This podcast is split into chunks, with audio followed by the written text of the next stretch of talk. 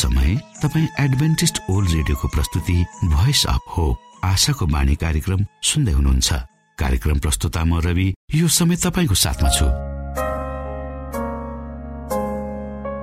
आशाको बाणी कार्यक्रम सुन्नको निमित्त पर्खेर बस्नुहुने समस्त प्यारा श्रोता वर्गमा हामी न्यानो अभिवादन व्यक्त गर्दछौ। हाम्रा महान परमेश्वरको प्रेम यसो ख्रिस्टको अनुग्रह र पवित्र आत्माको अगुवाईका विषयमा साँचो र सही सन्देश प्रस्तुत गर्ने क्रममा हामी छौँ। र श्रोता दैनिक तपाईँले यी अध्ययनहरूका विषयमा सुन्दै जाँदा मनन गर्दै जाँदा तपाईँको जीवनबाट पनि ख्रिस्टको उपस्थिति झल्किन सकेको होस्। क्रिससँगको संगतिमा तपाईँले आदित्य आशिषको अनुभूति गर्न सक्नु भएको होस् भन्ने शुभेच्छा सहित हामी हाम्रो कार्यक्रमलाई अगाडि बढाउने अनुमति चाहन्छौ। सधैँ झै सुरुमा हामी यो मधुर क्रिस्टीय भजन सुन्नेछौ।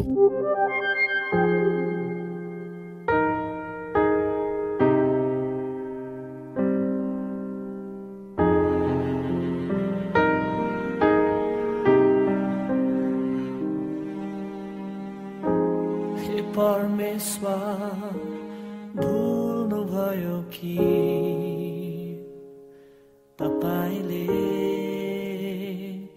हाम्रो देशलाई। हे परमेश्वर भुल्नु भयो कि? तपाईँले हामीलाई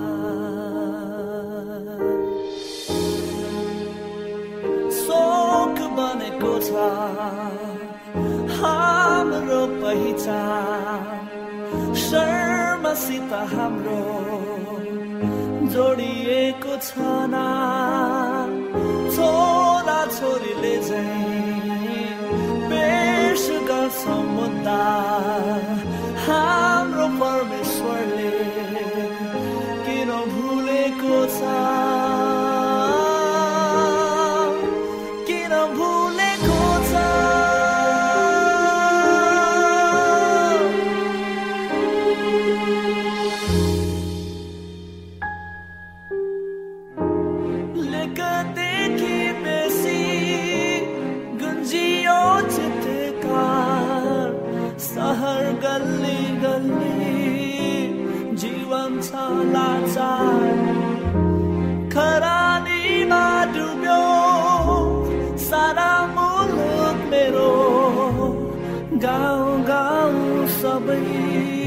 शमशान बन्यो।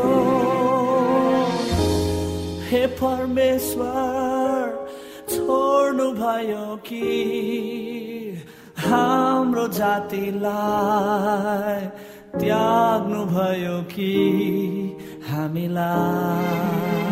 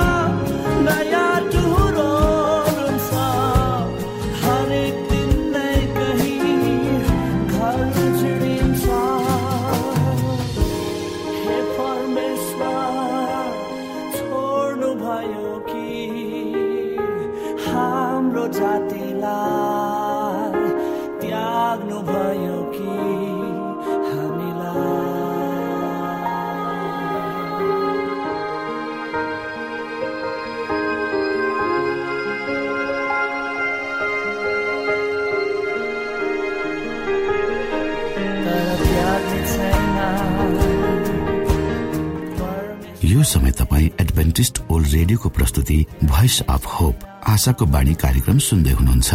श्रोता मित्र यो समय हामी पास्टर उमेश पोखरेलबाट आजको बाइबल सन्देश सुन्नेछौ।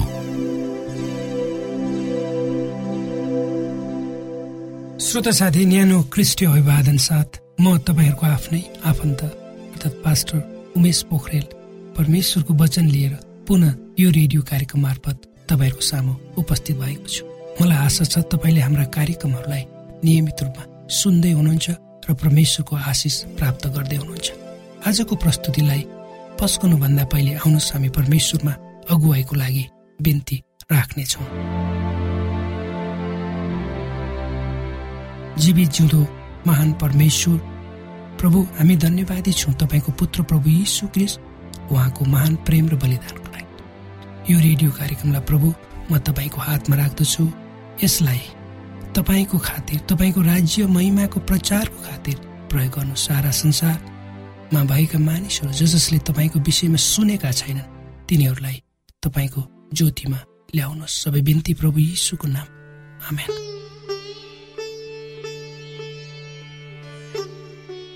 चार वर्ष अगाडिको कुरो हो।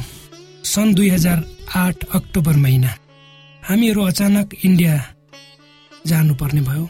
त्यो समयमा हामीमा एउटा दुःखद घटना घटेको थियो। मेरो श्रीमतीको ममतामाई आमाको देहान्त।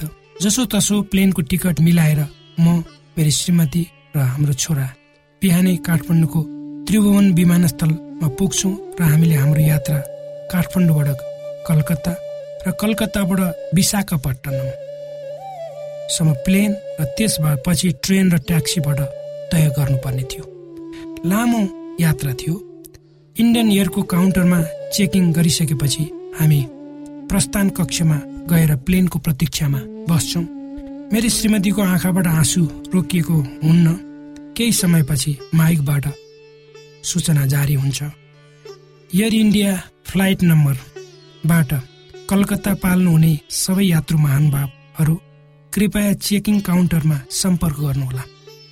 यात्रु महानुभावहरूमा पर्न गएको असुविधाप्रति हामी क्षमा प्रार्थी छौँ काठमाडौँ कलकत्ताको प्लेन क्यान्सिल भयो अब के गर्ने? हामीले सोच्न सकेनौँ। हाम्रो अर्को प्लेन कलकत्ताबाट थियो त्यसको पनि टिकट रद्द गराउनु पर्ने थियो। र अर्को दिनको प्रतीक्षामा बस्नु सिवाय हाम्रो कुनै उपाय थिएन। गरौँ मन लिएर भोलि पुनः उड्न पाइन्छ कि भन्ने झिनो आशामा हामी घर फर्क्यौँ। हामीहरू हताश र निराश थियौँ किनकि हामी आउँछौँ भने मेरी श्रीमतीको आमाको पार्थिव शरीर सुरक्षित साथ राखिएको थियो। तर तिन दिनपछि मात्र हामी आफ्नो गन्तव्यमा पुग्न सक्छौँ। त्यति बेलासम्म मेरी सासु आमा माटोमा सुतिसक्नु भएको थियो। हामी धेरै दुखित हुन्छौँ। मेरी श्रीमती कान्छी छोरी सबैले माया गरेकी। आमाको अन्तिम मुख हेर्न नपाउँदा बडो पीडामा हुन्छन्। हामी सबै हातमा फुल आँखामा आँसु र माटोमा गाडिनु भएकी आमा अझै जीवित हुनुहुन्छ कि भनी चिहानमा गएर श्रद्धा सुमन सहित फुलका गुच्छाहरू चढाउँछौँ ढोक्छौँ प्रार्थना गर्छौँ सबै रुन्छौँ। मेरी सासु प्रभुमा सुत्नु भएको चार वर्ष भइसकेछ। त्यसपछि हामी इन्डिया गएका छैनौँ। समय कति चाँडो बित्यो। उहाँ परमेश्वरकी छोरी हुनुहुन्थ्यो। बडो ममतामय आमा सासु हजुरआमा हामी त्यो दिनको प्रतीक्षामा छौँ जब प्रभु येसुको दोस्रो आगमन हुनेछ। मेरो सासु आमाको चिहान तुरैको आवाज साथ खुल्नेछ। र उहाँ जीवित हुनुहुनेछ र हामीले उहाँलाई भेट्नेछौँ। जहाँ रोग व्यथा अभाव गरिबी हुने छैन परमेश्वरसँगको शान्तिमा हामी उहाँसँग सबै परिवार एकैसाथ रहनेछौँ। श्रोत साथी आजको युगमा बाँचेका मानिसहरू तपाईँ हामीमा धैर्य कम छ भन्दा अन्य अर्थ नलाग्ला। किनकि हामी जे कुरा पनि छिट्टै प्राप्त गर्ने चाहना गर्छौँ। किनभने हामीसँग अचेल छिटो दगुर्ने कारहरू छन् छिटो उड्ने प्लेनहरू छन्। हामीसँग इन्टरनेट छ टेलिफोन छ छिटो खाना खान पाइने फास्ट फुडहरू छन्।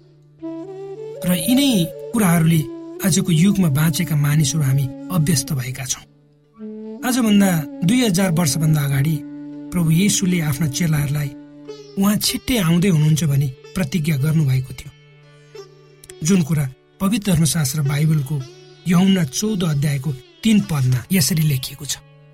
अनि गएर मैले तिमीहरूका निम्ति ठाउँ तयार पारेपछि म फेरि आउनेछु र तिमीहरूलाई म कहाँ लैजानेछु र जहाँ म छु त्यहाँ तिमीहरू पनि हुनेछौ।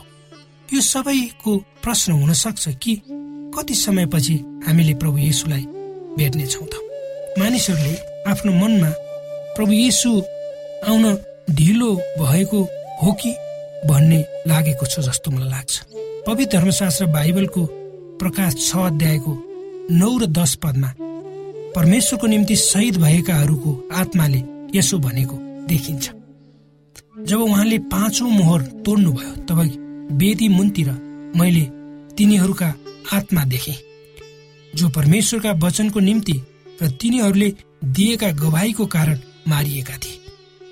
तब तिनीहरूले यसो भनेर चर्को स्वरले कराए हे सर्वशक्तिमान पवित्र र सत्य प्रभु अझै कहिलेसम्म तपाईँले पृथ्वीमा रहनेहरूको इन्साफ गर्नुहुन्न र हाम्रो रगतको बलि बदला लिनुहुन्न? पवित्र धर्मशास्त्र बाइबलको मत्ती पच्चिस अध्यायमा हेऱ्यो भने प्रभु येसुले आफ्ना चेलाहरूलाई आफ्नो दोस्रो आगमनको सम्बन्धमा धेरै दृष्टान्तहरू मार्फत भन्नुभएको छ। त्यहाँ ती दृष्टान्तहरू मध्ये दश कन्याको दृष्टान्त। स्वर्गको राज्यलाई दश कन्यासँग तुलना गरिएको छ। त्यस्तै सुनको सिक्काको दृष्टान्तमा एउटा मालिक आफ्नो धन सम्पत्ति नोकरलाई जिम्मा दिएर लामो समयको निम्ति बाहिर जान्छ। यसुले आफ्ना चेलाहरूलाई लामो समयसम्म आफ्नो विश्वासमा रहेर पर्खिनको निम्ति तयार गरिरहनु भए झै मलाई लाग्छ। र उहाँले आफ्नो आगमनको विषयमा स्पष्ट भन्नुभएको छ। र उहाँ कहिले आउनुहुन्छ त्यो हाम्रो संसारको कुरा भएन। तर उहाँ आउनुहुन्छ उक्त प्रतिज्ञामा हामी अडिक रहनुपर्छ। त्यसैले त यसुले आफ्ना चेलाहरूलाई यसै भन्नुभयो। पिताले आफ्नो अधिकारद्वारा तोक्नु भएको बेला वा समय जान्ने तिमीहरूको काम होइन। तर पवित्र आत्मा तिमीहरूमा आउनु भएपछि तिमीहरूले शान्ति पाउनेछौ। र तिमीहरू यरुसलेममा सारा यहुदियामा सामरियामा र पृथ्वीको अन्तिम छेउसम्म मेरो साँची हुनेछौ अझै कति समय तपाईँ हामीले पर्खनु पर्छ प्रभु येसुको दोस्रो आगमनको निम्ति। यो समयको कुरा होइन तर यो त विश्वासको कुरा हो श्रोता। यसुको दोस्रो आगमनको विषयमा परमेश्वरलाई मात्रै थाहा छ। उहाँले हामीलाई उहाँको आगमनको दिन गन्न भन्नुभएको छैन तर उहाँको विश्वासमा रहेर गवाई दिँदै विश्वस्तता साथ उहाँको कामलाई अगाडि बढाउन हामीलाई भनिएको छ। एउटा मानिस श्रोता साथी एउटा मानिसको कथा यसरी यस्तो छ। ती मानिस लामो समयसम्म अमेरिकाको एउटा कलेजमा प्राध्यापकको रूपमा काम गर्छन्। र उन्नाइस सय तिसमा उनी र उनकी श्रीमती परमेश्वर काम गर्न भनेर दक्षिण अफ्रिकामा जान्छन्। जब उनीहरू आफ्नो कामबाट अवकाश प्राप्त गरी आफ्नो देशमा फर्कन लाग्दै हुन्छन्। यो उन्नाइस सय सत्तरीतिरको कुरो हो। उनीहरूले आफ्नो सामानहरू बाँच्छन् र आफ्नो देश फर्कनको निम्ति यात्रुवाहक पानी जहाजमा बस्छन्। तर केही समय कारणवश उनीहरू चढेको जहाज अगाडि बढ्न सक्दैन। उनीहरूले धेरै महिना मात्र होइन धेरै वर्ष पर्खनुपर्छ आफ्नो देश फर्कनको लागि। किनकि त्यति बेला दोस्रो विश्वयुद्ध भर्खरै सकिएको थियो। र अमेरिकी सैनिकले उनीहरू यात्रा गर्ने जहाजलाई आफ्नो नियन्त्रणमा लिएको थियो किनकि पानी जहाजमा यात्रा गर्नु त्यस समयको निम्ति सुरक्षित थिएन। पाँच वर्ष बित्यो तब मात्र उनीहरू युएस वा आफ्नो देशमा फर्कन सफल भए। त्यसपछि उन्नाइस सय असीतिरको कुरा हो एक अर्को जोडी मिसनरी वा परमेश्वरको काम गर्ने परिवार दक्षिण अफ्रिकामा अध्यापन गराउनको निम्ति जान्छन्।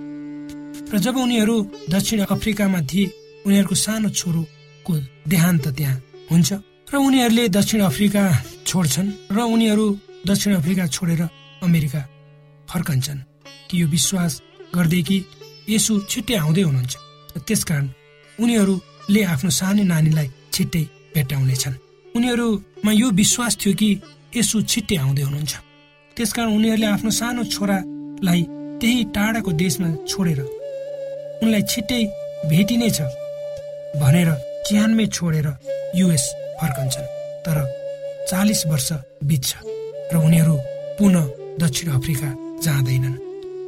र उनीहरू जान्न चाहन्छन् कि आफ्नो सानो छोराको च्यान अझैसम्म छ कि छैन भने कुनै समय उनीहरूको एउटा साथी दक्षिण अफ्रिका जाँदै हुन्छन्। र ती आमा बाबुले आफ्नो साथीलाई भन्छन् कृपया मेरो सानो छोराको च्यानमा गइदिनुहोस् र हेर्नुहोस् है। अझै त्यो च्यान त्यहाँ छ कि छैन? यदि त्यहाँ रहेछ भने उक्त च्यानमा हाम्रो प्रेम पुर्याइदिनुहोस् र त्यहाँ हाम्रो प्रेमको फुल गुच्छा चढाइदिनुहोस्।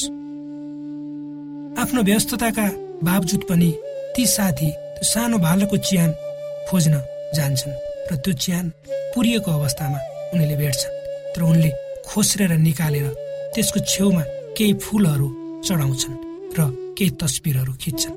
जब ती वृद्ध आमा बाबुले आफ्नो छोराको चिहानको फोटो देख्छन् उनीहरूको आँखाबाट आँसु बगेर आउँछ र एकअर्कालाई अँगालो मारेर उनीहरू रुन्छन् र उनीहरूले परमेश्वरको प्रतिज्ञाप्रतिको जीवित विश्वास प्रकट गर्दछन्। र उनीहरूको आशा यसुको दोस्रो आगमनमा टिकेको हुन्छ। उनीहरूले कहिले पनि कल्पना गरेका थिएनन् कि चालिस वर्ष यति छिट्टै बित्नेछ भनेर उनीहरू आफ्नो विश्वासमा अडिरहे। अहिले ती आमा बाबु पनि चिहानमा छन्। आराम गरिरहेका छन्। हजारौं हजारौं माइल टाढा आफ्नो सानो छोराको चिहानदेखि टाढा तर पुनरुत्थानको लागि प्रतीक्षारत छन्। आशाको बाणी। श्रोता भर्खरै यहाँले पास्टर उमेश पोखरेलबाट बाइबल वचन सुन्नुभयो। यो समय तपाईँ एडभेन्टिस्ट ओल्ड रेडियोको प्रस्तुति भोइस अफ होप आशाको बाणी कार्यक्रम सुन्दै हुनुहुन्छ। कार्यक्रम सुनेर बस्नुहुने सबै श्रोतालाई हामी हाम्रो कार्यक्रममा स्वागत गर्न चाहन्छौ।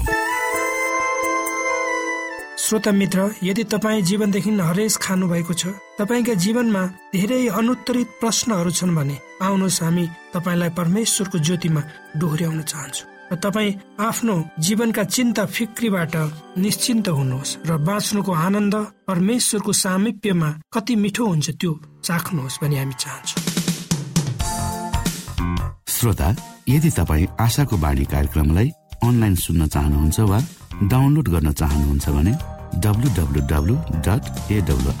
डट ओआरजीमा जानुहोस्। त्यहाँ तपाईँले प्रत्येक दिनको कार्यक्रम सुन्न र डाउनलोड गर्न सक्नुहुनेछ।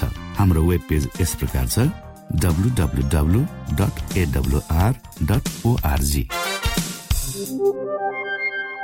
श्रोता यदि तपाईँ हामीसित सिधै फोनमा सम्पर्क गर्न चाहनुहुन्छ भने हाम्रा नम्बरहरू यस प्रकार छन्। अन्ठानब्बे एकसाठी पचपन्न शून्य एक सय बिस। अन्ठानब्बे एकसाठी पचपन्न शून्य एक सय बिस। र अर्को अन्ठानब्बे अठार त्रिपन्न पन्चानब्बे पचपन्न। अन्ठानब्बे अठार त्रिपन्न पन्चानब्बे पचपन्न।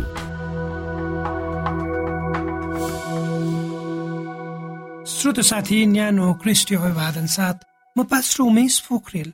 तपाईँहरूको बीचमा एउटा बाइबलका महत्वपूर्ण पात्रको जीवनी लिएर उपस्थित भएको छु जसको नाम हो अब्राहम।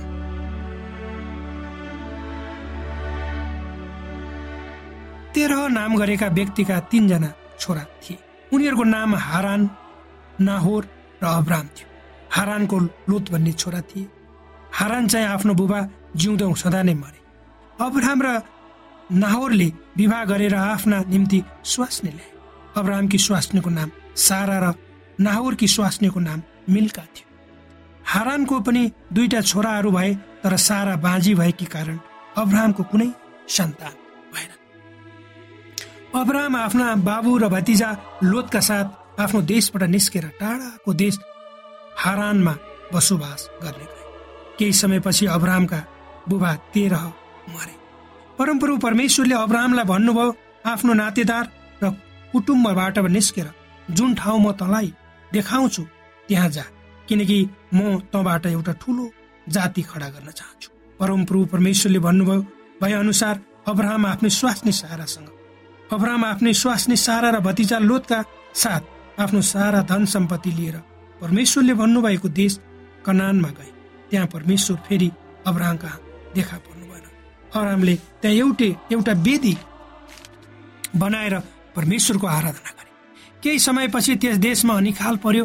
अब्राहम त्यहाँबाट मिश्र देशमा प्रवास गर्नलाई गए मिश्र देशमा बस्नै लाग्दा अब्राहमले सारालाई भने तिमी हेर्नमा सुन्दरी भएको कारण जब मिश्रीहरूले तिमी मेरी श्रीमती भन्ने थाहा पाउलान् उनीहरूले मलाई मार्न सक्छन् त्यसैले तिमी मेरी बहिनी हो भनेर भन्। मिश्रमा गएपछि त्यहाँका राजाले सारामाथि आफ्नो नजर लगाए। तर परमेश्वरले साराको कारण मिश्रका राजामाथि विपत्ति ल्याइदिनु भयो अनि राजाले अब्राहमकी स्वास्नी सारालाई फिर्ता पठाए अब्राहम आफ्नै पत्नी सारा भतिजा लोत र सम्पूर्ण धन सम्पत्ति लिएर मिश्रबाट नेबेक भन्ने देशमा गए अब्राहमसँग थुप्रै नोकर चाकर धन सम्पत्ति पालिने पशु सुन चाँदी भएकोले उनी धनाढ्य थिए। अब्राहमका साथमा भएका भतिजा लोत पनि भेडा बाख्रा गाईबस्तुहरू तथा थुप्रै नोकर चाकरहरू थिए उनका। उनीहरूको सम्पत्ति यति ठुलो भयो कि तिनीहरू साथ रहन नसक्ने भए। अब्राहम र लोतका नोकरहरूका बीचमा झगडा हुन थाल्यो। यसकारण अब्राहमले लोतलाई भने अब हामी छुट्टिनुपर्छ। हामी झगडा गर्नुहुन्न। तिमी दाहिने गयौ भने म देब्रेतिर जानेछु अथवा तिमी देब्रे गए म दाहिने लाग्नेछु। जब लोतले यर्दन नदीको किनारमा प्रशस्त पानीले भिजेको घाँसहरू देखे उनी त्यतैतिर लागे अब्राहम चाहिँ त्यही ठाउँमा बसे। फेरि परमेश्वर अब्राहम कहाँ देखा पर्नु भएर भन्नुभयो तैँले देख्ने पूर्व पश्चिम उत्तर र दक्षिण तेराका सबै ठाउँहरू म तँलाई र तेरा सन्तानहरूलाई दिनेछु। तर त्यस बेलासम्म अब्राहमको कुनै सन्तान थिएन। यसकारण अब्राहमले परमेश्वरलाई भने हे परम प्रभु तपाईँले मलाई सन्तान दिनु भएन। मेरो घरमा जन्मिएका दास नै मेरो उत्तराधिकारी हुनेछ। फेरि परमेश्वरले अब्राहमलाई भन्नुभयो तेरो आफ्नै छोरो तेरो उत्तराधिकारी हुनेछ। आकाशमा भएका ताराहरू हेर तेरा सन्तानहरू पनि त्यही हुनेछ अनि अब्राहमले परमप्रभुमाथि विश्वास गरेर भने यो तिनको निम्ति धार्मिकता थियो। पछि आउने समयमा अब्राहमका सन्तानहरूलाई के के कुरा हुनेछ यी सबै कुराहरू परमप्रभुले अब्राहमलाई त्यसै बेला बताइदिनु आफूबाट कोही सन्तान नभएको देखेर साराले आफ्नै कमारी हागार अब्राहमलाई स्वास्नी हुन दिइन् हगार जब गर्भवती भइन् उनले आफ्नो मालिक नै सारालाई तुच्छ ठान्न थाले। आफ्नै कमारीले सारालाई तुच्छ ठानेको कारण साराले हगारसँग कठोर व्यवहारको कारण उनी हगार टाढा भागेर गए। भाग्दै जाँदा हगारले दुई स्वर्गदूतहरूलाई देखिन्। ए हगार फर्केर आफ्नै मालिक नि कहाँ गजा। त्यसैको अधीनमा बस तैँले एउटा छोरो जन्माउनेछस् त्यसले धेरै वंशहरू हुनेछ भनेर ती स्वर्गदूतहरूले हागारलाई भने। अनि हागारले अब्राहमको निम्ति एउटा छोरो जन्माई त्यसको नाम इस्मायल राखे।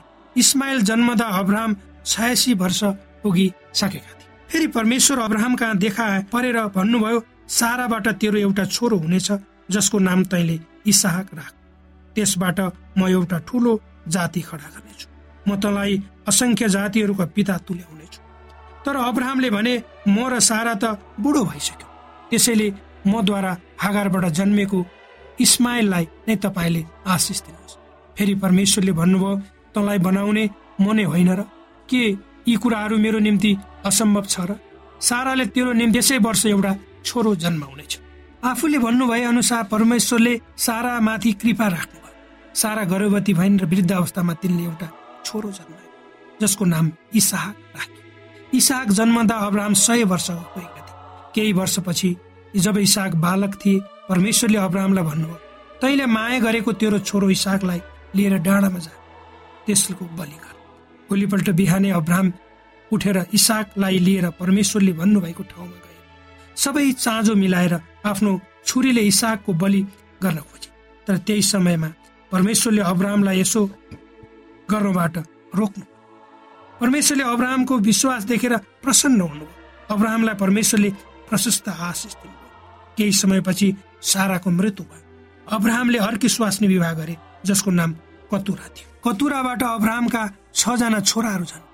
अब्राहमको आफ्ना सबै थोक इसाकलाई दिए।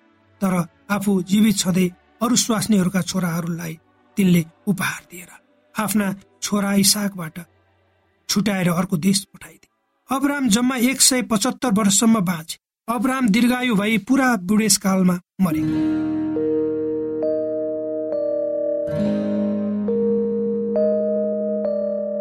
श्रोता तपाईँलाई आजको हाम्रो यो कार्यक्रम शिक्षाप्रद लाग्यो र तपाईँले यसबाट विशेष अगुवाई लिन सक्नु भएको छ भने हामीले आशा लिएका छौँ। हामीसँग पत्राचार गर्ने हाम्रो ठेगाना यस प्रकार छ।